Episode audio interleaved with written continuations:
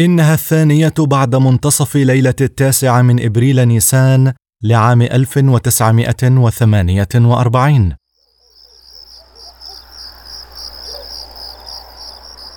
بين الأشجار المتناثرة حول قرية دير ياسين الفلسطينية كمن رجال العصابات اليهودية حابسين أنفاسهم. يترقبون ساعة الصفر. رشاشاتهم مصوبة نحو صدر القرية. وها هم قادة الجماعات يتفقدون الجنود ويوزعون على كل واحد حصته من الذخيرة والقنابل.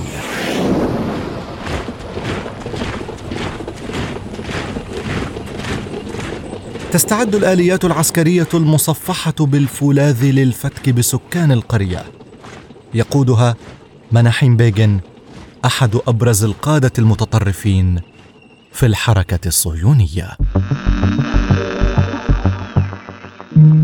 أنا كنت عمري ثمان سنين كانت الساعة خمسة كنا نايمين دخلوا على البيت ورش أبوي قتلوه أمي راحت أسيرة. ذبحت العصابات الصهيونية الموجودين في القرية من الأطفال والنساء والشيوخ. قتل السكان بدم بارد. ألقيت النسوة في بئر القرية بعد أن بقرت بطون الحوامل منهن ونكل بمن استبسل للدفاع عن بيته وقريته. جبت أخوي ومشيت من السرير رحنا مع جيراننا هربنا وإحنا هاربين على عين كارم في اللي سيد عمره سبعين سنة. كان مقتول ومرمي في الأرض. أثرت فيها سيدي أبو أبوي. وقتلوا جميع الناس منهم خالي أخو أمي. كان عمره 30 سنة. طلعوهم من البيت وصفوهم كلهم صف واحد للصهاينة ورشوهم عمة حرقوها. هي وولادها حرقوها أكثر من مئة شهيد سالت دماؤهم بين ليلة وضحاها. ولحد الآن ولا أزال أذكر دير ياسين ولا أزال أذكر دير ياسين ولا أزال أذكر دير كيف سيطرت الجماعات الصهيونية على أراضي الفلسطينيين؟ وكيف نشأت دولة اليهود المعروفة بإسرائيل؟ وهل فعلا هذه الدولة هي طموح اليهود حول العالم؟ أهلا بكم في رواية الذي يأتيكم عبر منصة البودكاست موجة من تي آر تي عربي وأنا أحمد الكريري من الواضح إذن أن هرتزل يوم أن قال لصديقه في المؤتمر الأول إن كل شيء ستجري تسويته لاحقا لم يكن يهذي. لقد كان الرجل واثقا حتى وإن لم يشهد ما جرى بأم عينه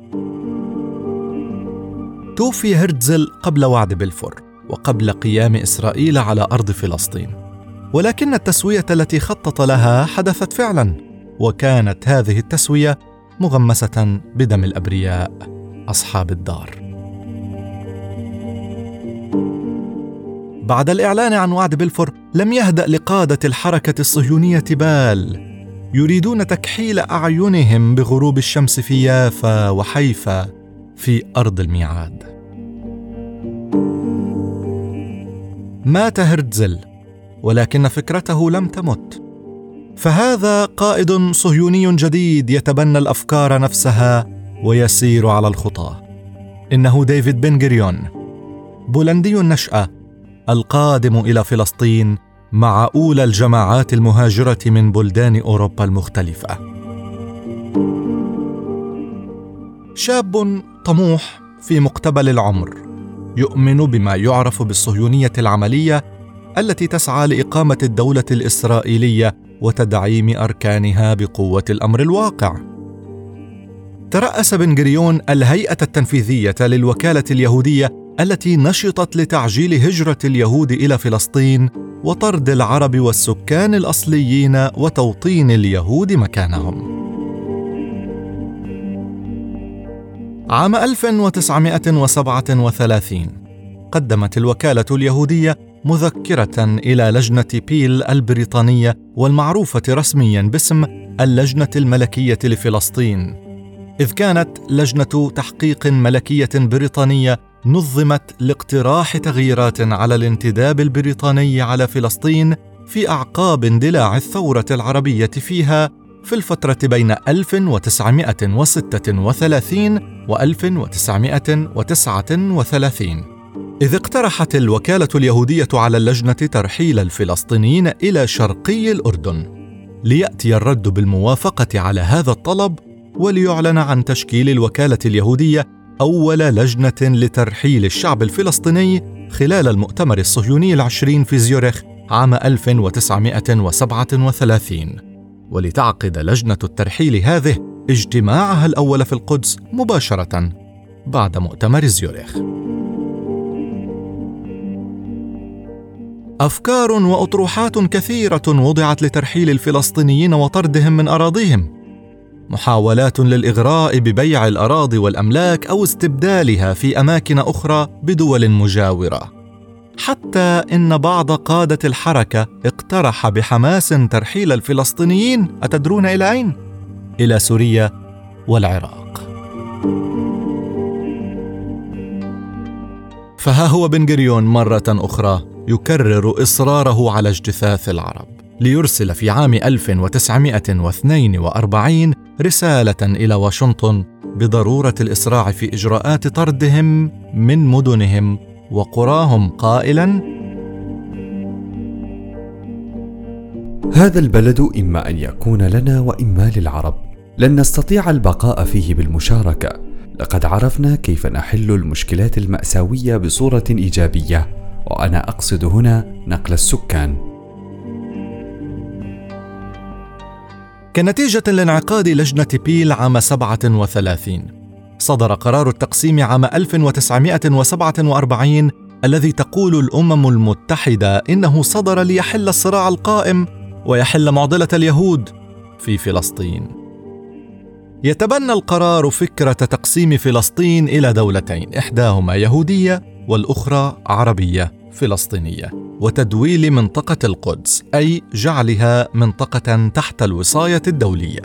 ونصيب الأسد في هذا التقسيم طبعا لصالح اليهود كما تعلمون، فحظيت الدولة اليهودية بالمساحة الأكبر. امتحان لضمير العالم إذن. صدر القرار. دول أعضاء في الأمم المتحدة رفضته. من بين هذه الدول دول عربية كمصر ولبنان والسعودية وسوريا والعراق، إضافة إلى دول أخرى كتركيا واليونان والهند وكوبا وإيران. في المقابل دعم قرار التقسيم بطريقة قال وزير الدفاع الأمريكي عنها آنذاك جيمس فورستل في مذكراته: إن الطرق المستخدمة لضغط الدول الأخرى وإكراهها على الاعتراف بقرار التقسيم في نطاق الأمم المتحدة كانت فضيحة، إذ إنه ومن منطلق القوانين الدولية وبعد نهاية الانتداب تسلم البلاد إلى سكانها الأصليين حسب المادة الثامنة من اتفاقية جنيف الرابعة. زعماء صهاينة أيضا رفضوا خطة التقسيم هذه مثل مناحيم بيجن وإسحاق شامير أما السبب فكان الرغبة في السيطرة على كل الأرض الفلسطينية من دون اعتراف بوجود العرب فيها بتاتا. بعد قرار التقسيم بيوم واحد فقط في الثلاثين من نوفمبر تشرين الثاني عام 1947 ها هو صوت مناحيم بيغن الزعيم المعارض في الحركة الصهيونية. يبدو غاضبا. أليس كذلك؟ لم يعجبه قرار التقسيم. اشتعل فتيل غضبه. وها هو غاضب عبر لقائه الإذاعي مصرحا ببطلان شرعية التقسيم وأن أرض الميعاد بكاملها.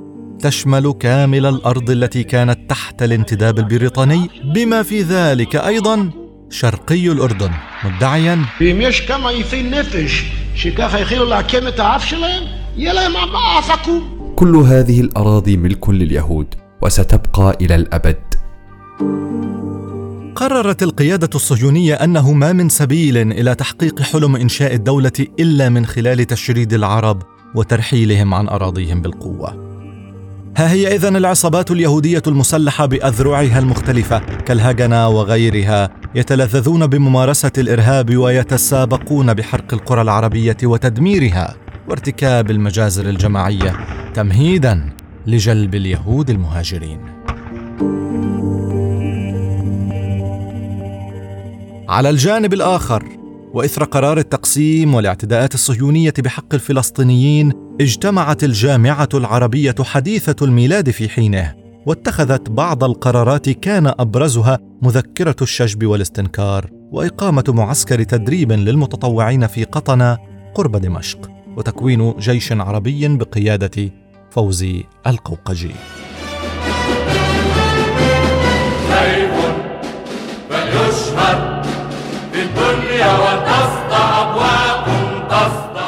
بدأ بالفعل تنفيذ القرارات بتدريب الفلسطينيين على القتال وتشكيل جيش الإنقاذ.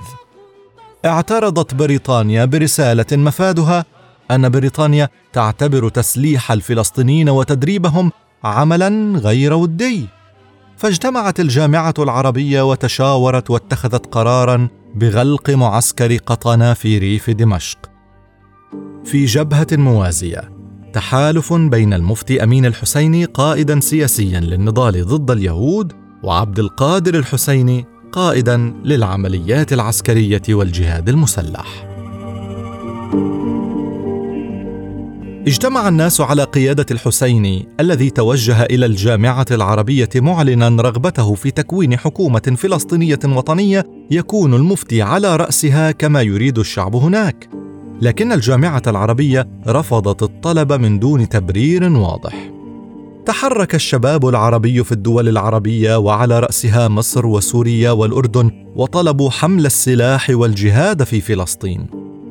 رفضت الحكومات في بداية الأمر ولكنها سرعان ما رضخت للضغط الشعبي. فخرجت الكتائب لتدافع عن فلسطين ولتحقق انتصارات هائلة في البداية بمستعمرات النقب وبيت لحم والخليل وبئر السبع والحق يقال بأنهم حاصروا القدس حصارا شديدا. بالتوازي مع هذه الجبهات كانت وللأسف مدن عربية أخرى تسقط الواحدة تلو الأخرى. قوة عتاد الجماعات الصهيونية وتنظيمهم والدعم المساند لهم ساهم في ألا تدوم انتصارات العرب. مسلسل التهجير بدأ يأخذ منحا متصاعدا مع مجزرة دير ياسين في التاسع من إبريل نيسان عام 1948 إذ انتشرت أخبار المجزرة بتفاصيلها المروعة كالنار في الهشيم بكل القرى والمدن الفلسطينية كأبشع مجزرة جماعية بحق المدنيين والشيوخ والنساء في منتصف القرن العشرين.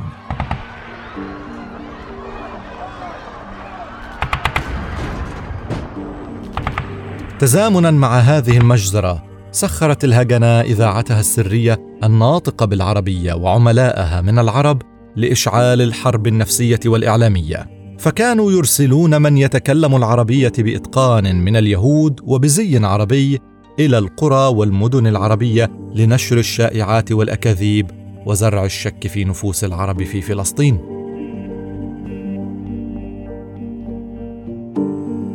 أما بن جريون المتيم بأفكار هرتزل فقد كانت عيناه صوب مدينتي يافا وحيفا.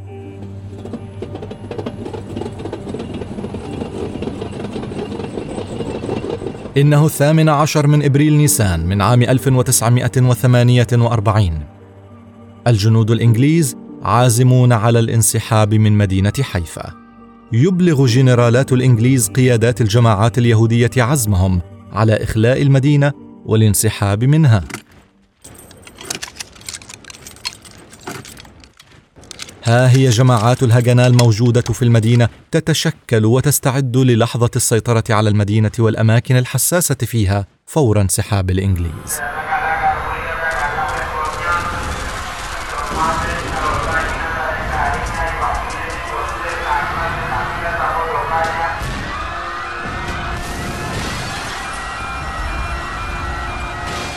يحملون أسلحتهم ورشاشاتهم وينتشرون في حارات المدينة وأزقتها. يستفزون سكانها بالصراخ والشتم تارة وبقذف الحجارة على بيوت ساكنيها تارة أخرى.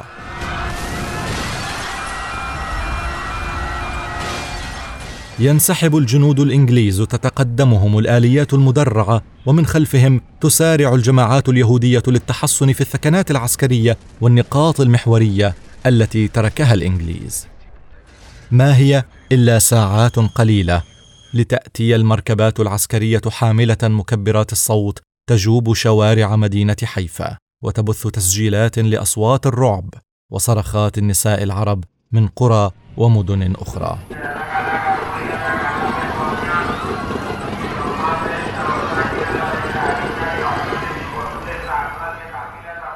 توالت اذا سيناريوهات التهجير من مدينة إلى مدينة ومن قرية إلى قرية.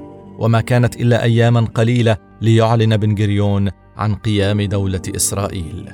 وليتوج كأول رئيس وزراء لها على جثث الأبرياء وبنزيف شلالات من الدماء في الرابع عشر من مايو أيار عام 1948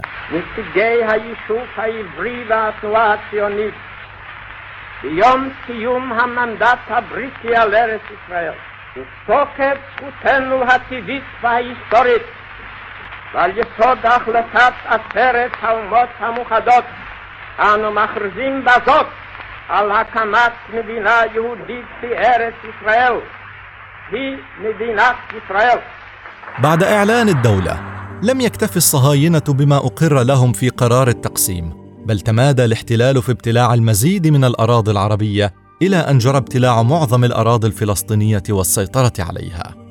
تشرد قرابة نصف أبناء الشعب الفلسطيني في الشتات يكتوون بلظى الشوق في كل يوم.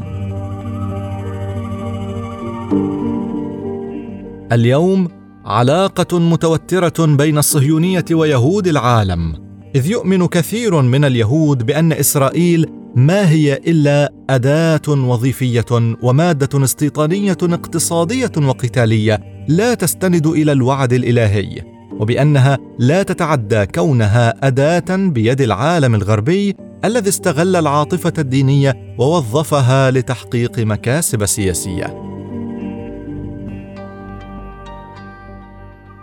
صحيح أيضا أن ادعاءات إقامة الكيان كانت دينية في جزء كبير منها.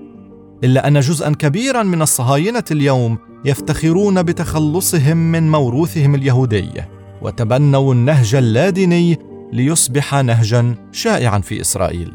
وعلى الرغم من أن المنظمات الصهيونية كانت تنظم الهجرة إلى فلسطين لتحقيق قوة ديمغرافية على حساب الفلسطينيين فإن الحركة الصهيونية ومع اكتشاف اليهود الأحرار حقيقة مساعيها تواجه مع مرور الوقت تحديا كبيرا يتمثل برفض المجتمع اليهودي فكرة الهجرة هذه. فاليوم يهاجر كثير من الإسرائيليين إلى أمريكا وأوروبا التي عانوا فيها في وقت سابق. بل وتجد أنهم يناصرون الحق الفلسطيني ويدعون لنبذ ممارسات الاحتلال وإنهائه وعدم استغلال الدين اليهودي لتحقيق مآرب الحركة الصهيونية. لا يزال قلب عربي يخفق في فلسطين، وهذا القلب يشعر به كل مغترب وكل ذي حق مسلوب بأن العودة أمر حتمي. تابعونا في الحلقة القادمة من رواية عبر منصة بودكاست موجة من تي آر تي عربي.